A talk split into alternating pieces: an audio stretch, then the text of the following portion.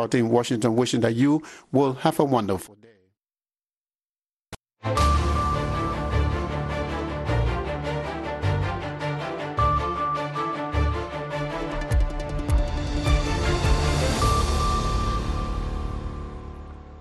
subax wanaagsan dhegeystayaal ku soo dhowaada idaacadda subaxnimo ee laanta af soomaaliga v o a oo idinkaga imaaneysa washington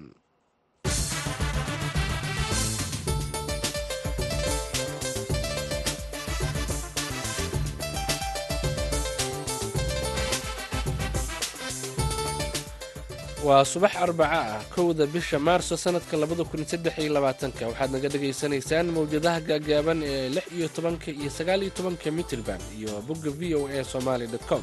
Waxaad kale oo aad naga maqli kartaan efemyada magaalooyinka geeska afrika qaar saacadda afrikada bari waa lixdii iyo barkii aroornimo halka washington ay ka tahay tobankii iyo barkii fiidnimo idaacadda saaka iyo caalamka waxaa idinla socodsiinaya aniga oo ah nuur xasan nuur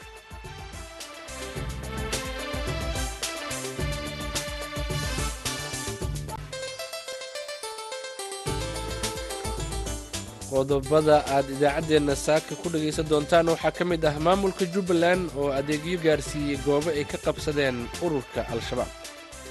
Waxaan u malaynayaa ood ogtihiin idinkuna maalintii halkan ciidanku yimid iyo maanta farqi weyn baa idiin dhexeeya. Ilaahay ku xamdiya subxaana wa tacaala ciidankiina la shaqeeyey iyo mas'uuliyiintiina. Isbitaalkii waa la keenayaa wasiirka caafimaadka wuu idiin imanayaa insha allaahu daawa halkan lagu bixin doonaa waxbarashadii annagaa wadna maanta waa dhagax dhigaynaa. Wasaaradihii kale o dhanna way imanayaan. Waxaa la doonayaa si niyad simeele oo wanaagsan in aad ula shaqaysaan ciidamada. Waxaa kale oo aad maqli doontaan waraysi aannu la yeelannay wasiir ku-xigeenka warfaafinta dowladda federaalk ee soomaaliya oo ka warramaya war-saxaafadeed ay dowladdu soo saartay oo ay ku sheegtay in duqayn lagu dilay toban ka tirsan al-shabaab oo ay laba ka mid ahi hogaamiyeyaal ahaayeen saddex nin oo loo qabtay in ay ka dambeeyeen dooni ay dad ku dhinteen oo laga helay xeebaha talyaaniga. Qodobadaasi iyo warar kale ayaan idiin haynaa balse intaas oo dhan waxaa ka soo horreeya warkii caalamka.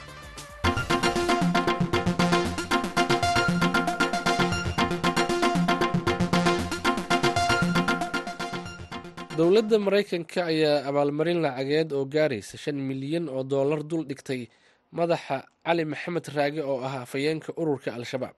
qoraal ka soo baxay barnaamijka abaalmarinta cadaaladda ee wasaaradda arrimaha dibadda ee maraykanka ayaa lagu sheegay in lacagtan abaalmarinta ah ay siin doonaan ciddii macluumaad ka keenta shaqsiga ay raadinayaan.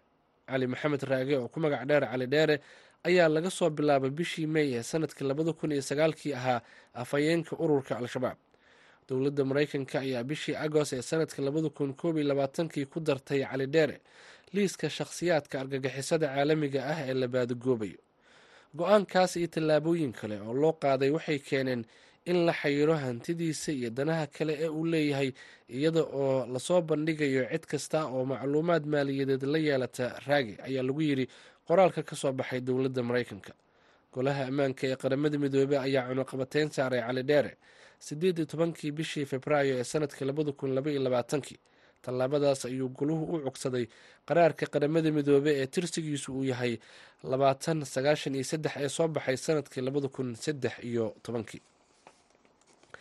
Natiijadii ugu dambeysay ee aanan kama dambaysta ahayn ee ka soo baxday doorashadii madaxtinimada ee nigeria ayaa talaadadii muujisay in codadka ilaa iyo hadda la tiriyey uu ku horeeyo bola tinubo oo ah musharaxa ka socda xisbiga talada haya tirinta codadka ayaa weli ka socota dhammaan lix iyo soddonka gobol ee nigeria iyo caasimada dowladda federaalk ah ee abuja. Tinubo oo matalaya xisbiga hadda talada haya ee all progressives congress ee loo soo gaabiyey a b c ee uu hogaamiyo madaxweynaha xilka ka sii degaya moxamedu bukhaari ayaa ilaa iyo hadda helay codad dhan shan iyo soddon ilaa toddoba iyo soddon waxaa ku xiga atiku abubakar oo ka sharaxan xisbiga ugu weyn mucaaridka ee p d p oo helay soddon boqolkiiba. Bola tinubo ayaa ah toddobaatan sano jir hodan ah oo caan ku ah ganacsiga. Waxa uu mar soo noqday guddoomiyaha gobolka legos waxaase kaalinta saddexaad isna ku jira ilaa iyo hadda peter obi oo ka socda xisbiga labor partiga musharaxan ayaa waxaa si aada u taageeray dhallinyarada iyo dadka waxbartay codadka ilaa iyo hadda la tiriyey ayuu ka helay lix iyo labaatan boqolkiiba. Natiijada kama dambaysta ah ayaanan soo bixi doonin ilaa laga dhammaynayo tirinta guud ahaan codadka la dhiibtay. Musharaxa noqon doona madaxweynaha ayaa u baahan inuu helo codad u badan ee doorashada. Haddii mushna uu heli waayo codka ugu badan waxaa mar kale la qaban doonaa doorasho labaad oo kala bax ah oo ay ku tartami doonaan labada murashax ee ugu sarreysa ugu yaraan lix iyo labaatan qof ayaa la xaqiijiyey inay ku dhinteen. Shan iyo siddeetan kalena ay ku dhaawacmeen dalka griiga aroornimadii hore ee arbacada maanta. Ah kadib markii ay isku dhaceen laba tareen oo midi uu waday rakaab halka ka kalena uu ahaa tareen xamuul. Shilka ayaa ka dhacay meel u dhow magaalada tembe oo saddex boqol iyo siddeetan kilomitir waqooyiga kaga beegan caasimadda atenes saraakiisha caafimaadka ayaa sheegay in shan iyo labaatan ka mid ah dadka dhaawacay ay xaaladoodu aada u liidato kooxaha gurmadka ayaa weli ku mashquulsan badbaadinta dadka ku dhaawacmay shilkaasi tareen. Warka caalamka dhegeystayaal waa naga intaa u diyaar garooba qeybaha inooga hadhay idaacaddeenna saaka iyo caalamka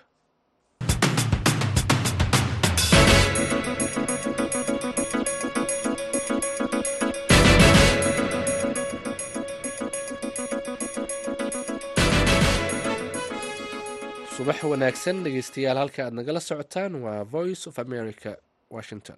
Ku bilownay dowladda soomaaliya ayaa xalay war-saxaafadeed ay soo saartay ku sheegtay in ay dishay toban ruux oo ka tirsan maleeshiyada ururka al-shabaab oo laba ka mid ah ay yihiin horjoogayaal kooxda ka tirsana. Weerarka waxa ay dowladdu sheegtay in uu ka dhacay duleedka deegaanka buurweyn oo ka mid ah gobolka hiiraan. Haddaba maxay ahaayeen horjoogayaasha ay dowladdu sheegtay in duqeyntaasi lagu dilay su'aalahaasi iyo kuwo kale ayuu wariyaha v o e da ee muqdisho cabdicasiis barrow uu weydiiyey.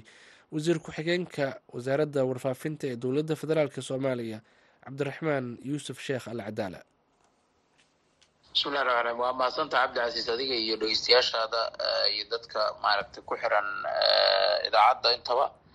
Intaas ka soko howlgalkaas waxa uu dhacay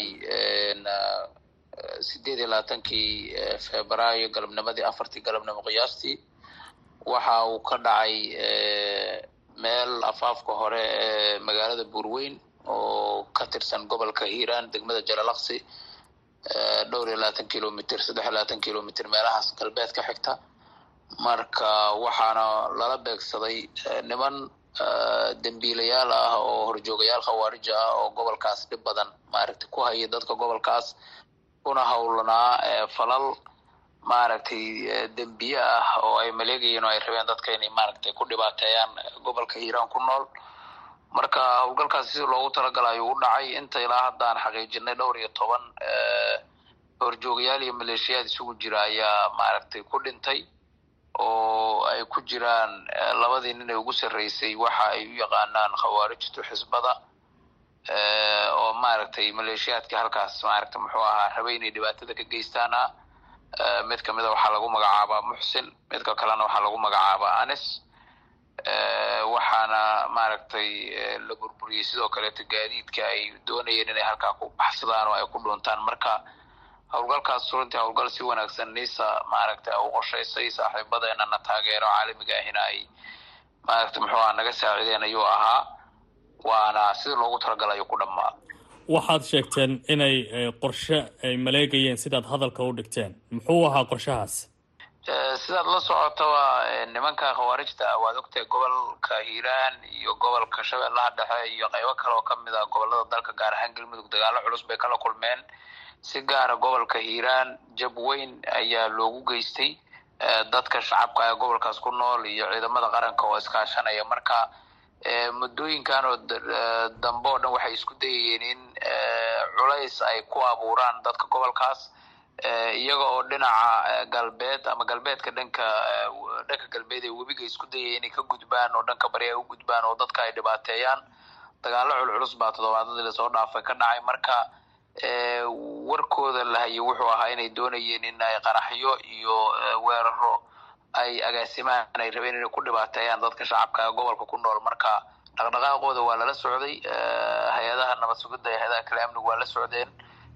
Kadibna falkoodaas intii aanay dembigii ayagu ay qorsheynayeen intaanay geysan baa maaragta muxuu ahaa ilaahay baa mahad leh laga qaaday tillaabadii loo qorsheeyey waana lagu guulaystay inta badan weerarada duqeynta ah ee dhacda ama soomaaliya ka dhaca waxay waxyeella ka soo gaari jirtay sida la sheegay dadka rayidka ah ma xaqiijin kartaan weerarkan inaysan cid rayida wax ku noqon? Cabdicasiis horta inta badan dadka shacabka wax kama soo gaaraan. Commentigaas ama maaragtay analyskaas ma aha midaan waafaqsannahay. Aad bay u yar tahay in dad shacaba wax ka soo gaaraan. Ilaahay maaragtay ayaa ku mahadsan ka sokowna runtii howlgalladu dee ma aha wax iska dhace waa wax aada loo qorsheeyo aada looga taxadaro.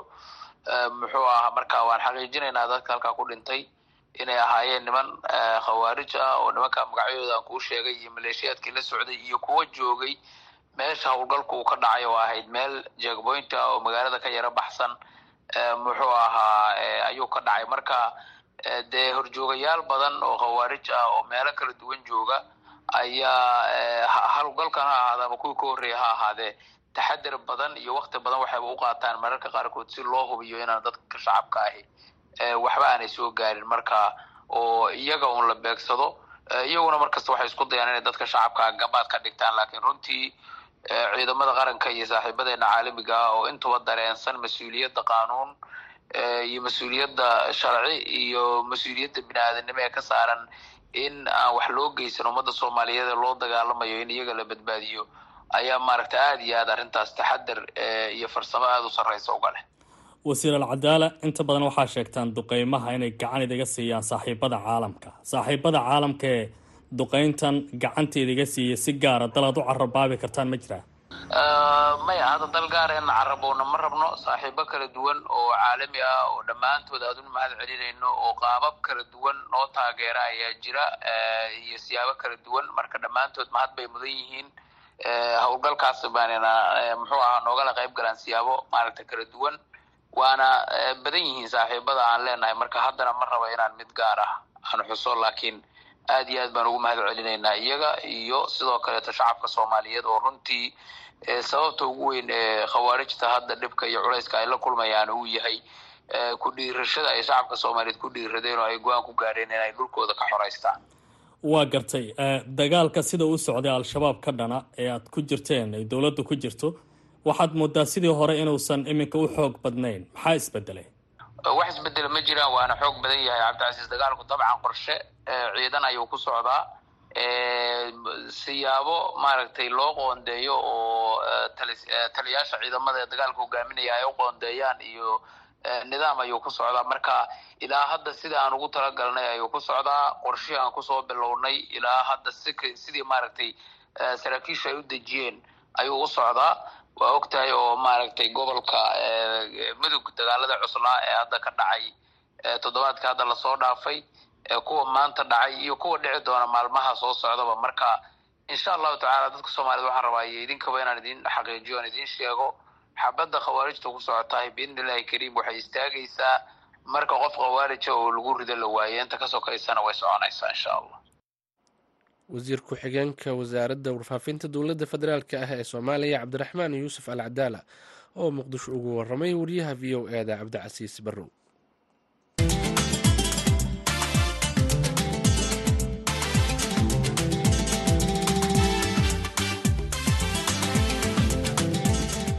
isla wararka al-shabaab ayaan ku jirnay. Deegaan ka mid ah deegaanadii laga saaray al-shabaab ayaa maamulka jubbaland waxa uu ka bilaabay mashaariic horumarineed oo isugu jira goobo waxbarasho iyo caafimaad. Faahfaahinta warkaas waxaa kismaayo ka soo diray waryaheena aadan maxamed salaad. Mashaariicdani horumarneed ee laga bilaabay deegaan ka mida deegaanadii laga saaray al-shabaab ee galbeedka magaalada kismaayo ayaa ahaa kii ugu horreeyey ee laga hirgeliyay deegaanka janaac cabdalle iyadoona mas'uuliyiin ka socday wasaaradda waxbarashada ee jubbaland ay halkaasi ka dhagax dhigeen.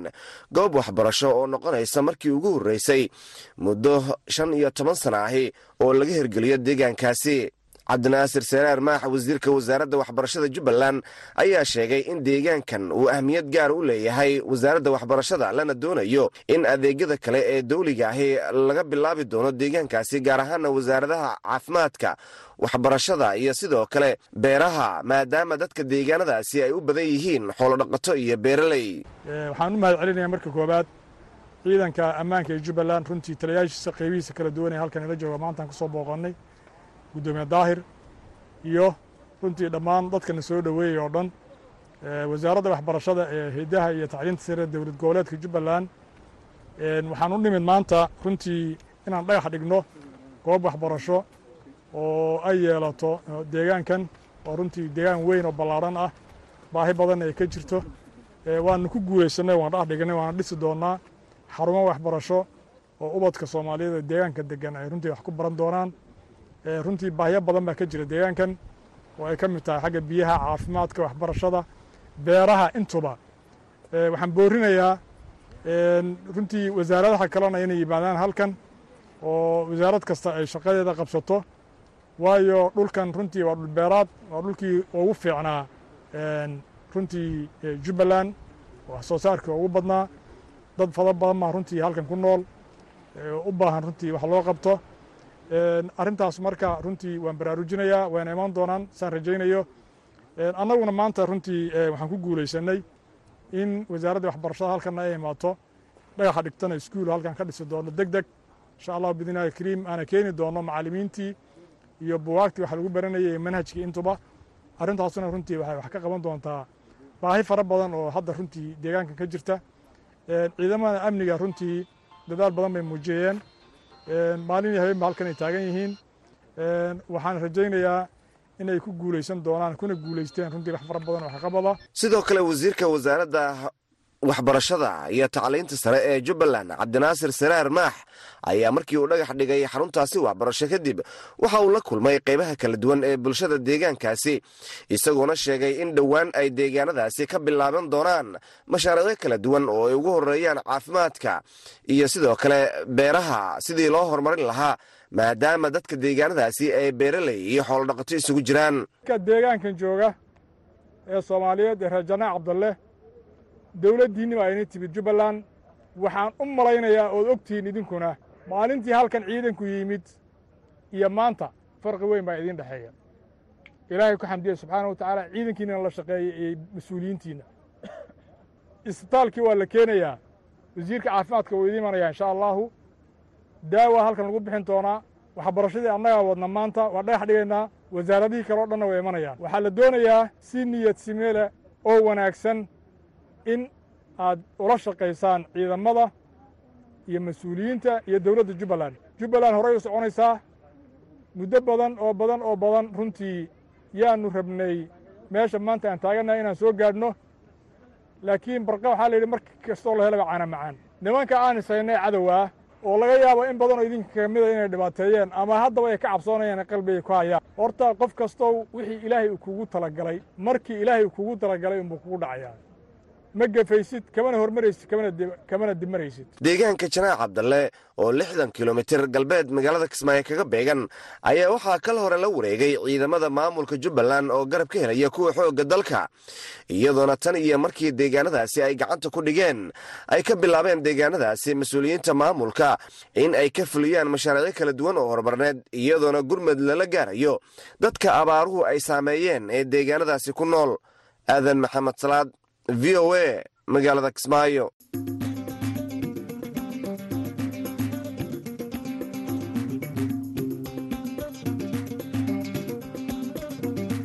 subax wanaagsan dhegeystayaal waxaad nagala socotaan v o a. Booliska talyaaniga ayaa xiray saddex nin oo loo heysto in ay mas'uul ka ahaayeen doon axaddii ku burburtay badda koonfurta talyaaniga. Doontaana waxaa ku dhintay shan iyo lixdan qof oo u badnaa muhaajiriin ka soo jeeda bakistan iiraan soomaaliya iyo suuriya haddaba wariyaha v o eda ee magaalada london ridwaan xaaji cabdiweli ayaa soo koobaya warbixin ay qortay wakaalada wararka ee royters mas'uuliyiinta dalka talyaaniga ayaa xiray saddex qof waxaana ay raadinayaan qof afraad kuwaas oo la rumaysan yahay in ay ka ganacsanayeen tahriibinta. Ilaa laba boqol oo muhaajiriin ah oo saaraa doon alwaaxa oo axaddii ku burburtay badda koonfurta talyaaniga halkaas oo ay ku dhinteen ugu yaraan shan iyo lixdan qof meydadka ayaa la dhigay goob ku taalla magaalada koonfurta ee korotene. Dadka dhintayna waxaa ku jira carruur. Qaar ka mida qaraabada dadka geeriyooday ayaa soo gaaray magaalada korotena iyaga oo ka yimid waqooyiga yurub si ay u arkaan meydadka islamarkaana ay ula socdaan inta kale ee ka badbaaday shilkaas.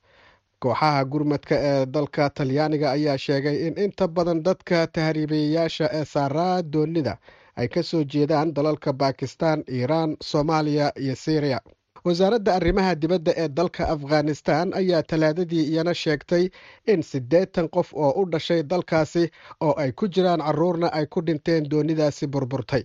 Si kastaba ha ahaatee xafiiska dowladda dhexe ee maxalliga ah ee talyaaniga ayaa tirada ka dhigay shan iyo lixdan qof oo uu ku jiro nin da-diisu ay tahay soddon jir oo talaadadii la helay meydkiisa iyo afar iyo toban qof oo aan qaangaarin waxaa kaloo ay sheegtay in la aqoonsaday shan iyo labaatan ka mid ah dadka geeriyooday oo ka soo jeeda afghanistan.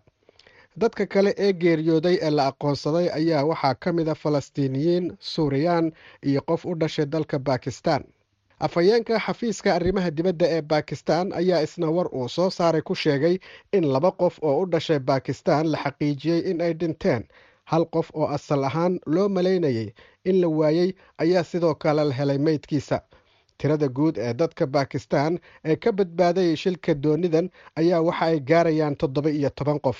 Gaashaanle sare alberto libolis ayaa sheegay in nin turkish ah iyo laba qof oo u dhashay bakistan ay doontaasi ka soo kaxeeyeen turkiga si ay u soo gaarto talyaaniga iyadoo cimiladuna ay aada u xumayd sida laga soo xigtay baaritaano hore waxa ay ragga wax tahriibiya.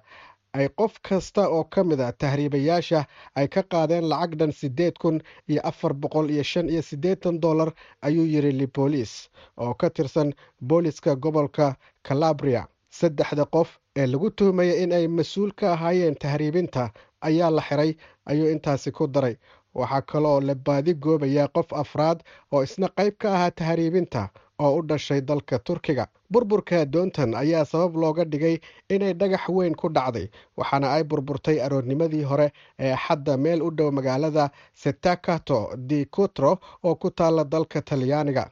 Badbaadiyayaashu waxa ay badda ka soo saareen nin meyd ah talaadadii waxaana tirada meydadku ay hadda gaarayaan afar iyo lixdan oo ay ku jiraan afar iyo toban carruur ah. Waxaa halkaasi laga soo badbaadiyey siddeetan qof kuwaas oo sheegay in doonta ay saaraayeen inta u dhaxaysa boqol iyo konton ilaa laba boqol oo muhaajiriin ah. Doontan ayaa ka soo baxday dekedda magaalada izmir ee galbeedka dalka turkiga dhammaadkii toddobaadkii hore. Ra'iisul wasaaraha dalka talyaaniga georgio meloni ayaa waraysi ay isniintii bixisay ku sheegtay in ay qoraal u dirtay hay'adaha midooda yurub kaas oo ay ugu baaqday in tallaabo deg deg ah la sameeyo si loo joojiyo safarada doonyaha muhaajiriinta loogana hortago dhimashada faraha badan. Boqolaal kun oo muhaajiriin ah ayaa tobankii sana ee la soo dhaafay gaaray dalka talyaaniga iyagoo adeegsanaya doonyo. Dadkan ayaa ka soo cararaya dalalkooda oo ay ka jiraan colaado iyo saboolnimo aada iyo aad ayuu u mahadsan yahay ridwaan xaaji cabdiweli oo warbixintaasi london inooga soo diray. Warbixintaas oo ay qortay wakaalada wararka ee reuters. Haatanna aan idin xusuusiyo qodobadii wararka caalamka ugu waaweynaa war goodhowna soo gaaray ayaa sheegaya in dalka nigeria musharaxii ka socday xisbiga talada haya ee dalkaasi nigeria bola tinubu uu ku guuleystay doorashadii dalkaasi ka dhacday. Tinubu ayaa helay lix iyo soddon codadkii la bixiyey waxaa ku xiga musharaxa ka socda xisbiga ugu weyn ee xisbiga ugu weyn ee mucaaridka. Ninka lagu magacaabo atiku abubakar oo helay soddon boqolkiiba codadkii la dhiibtay kaalinta saddexaad waxaa soo galay xisbiga hogaamiya aan idhaahdee murashaxa ka socda xisbiga leyborka ee peter obi oo helay lix iyo labaatan boqolkiiba codadkii la dhiibtay.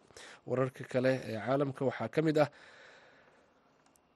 ugu yaraan lix iyo labaatan qof ayaa ku dhintay shan iyo siddeetan kalena waa ay ku dhaawacmeen dalka griiga aroornimadii hore ee arbacada. Maanta ah kadib markii ay isku dhaceen laba tareen oo midi uu waday rakaab halka ka kalena uu ahaa tareen xamuul. Shilka ayaa ka dhacay meel u dhow magaalada tembe oo saddex boqol iyo siddeetan kilomitir waqooyiga kaga beegan magaalada caasimada ah ee atenes saraakiisha caafimaadka ayaa sheegay in shan iyo labaatan ka mid ah dadka dhaawaca ah ay xaaladooda aada ay u liidato dhinaca isboortiga haddii aan eegno waxaa ugu waaweyn ciyaaro ka tirsanaa koobka f ega ee dalka ingiriiska ayaa xalay la ciyaaray. Wareega kuwartor finalka ama sideedda waxaa u soo gudbay kooxda kooxo ay ka mid yihiin blackburn rovers oo ka mid ah kooxaha heerka labaad waxa ay laba iyo hal ku garaacday leicester city oo ka mid ah kooxaha heerka koowaad ee ingiriiska. Waxaa sidoo kale wareegaasi xaqiijiyay manchester city oo saddex iyo eber ku garaacday kooxda bristol stoke city iyo brighton hal iyo eber waxay guusha ku raacday kooxda kubadda cagta ee brighton. Dhinaca talyaaniga zere aaga laba ciyaar ayaa dhacay xalay.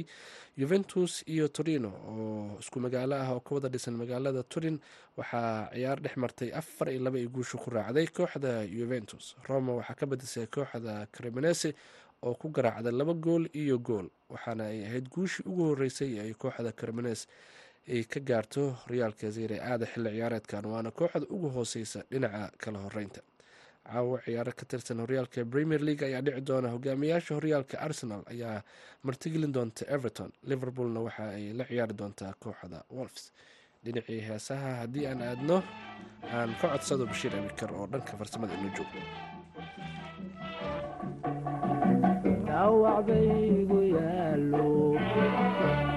dhaqdhaqaaqi waayo lafta dhabarka celisa labaa dhinaci noqote. Dhawacbaygu yaalo dhaqdhaqaaqi waayo lafta dhabarka celisa labaa dhinaci noqote ruux dhimasha jooga ilaa looma dheelo dhanta looma celiyo tahi tahi lama dhegayste ruux dhimasha jooga ilaa looma dheelo dhanta looma celiyo tahi tahi lama dhegayste axdigii dhexdeeniyo wada dhalashadeeni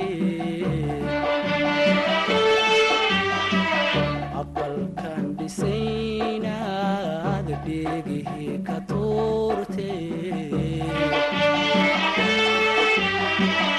axdigii dhexdeeniyo wada dhalashadeeni aqalkan dhisaynaad dheegihii ka tuurte miyaan aadan kuba dhaleen xawo naaska koo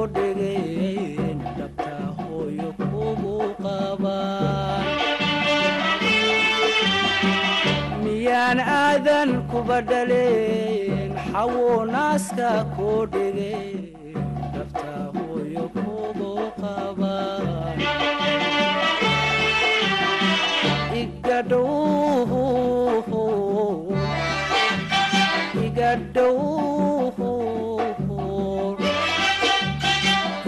dhowr dhibaatada ragga laguma dheele ragga laguma dheele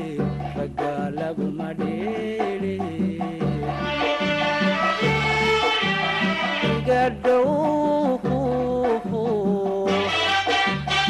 iga dhow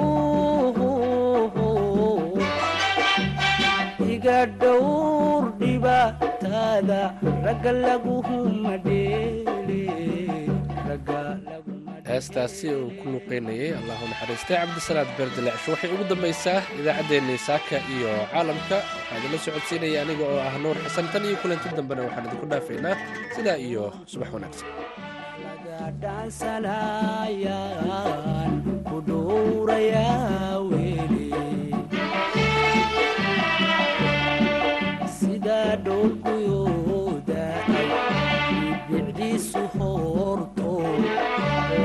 dhaansanayaan ku dhowrayaa weli.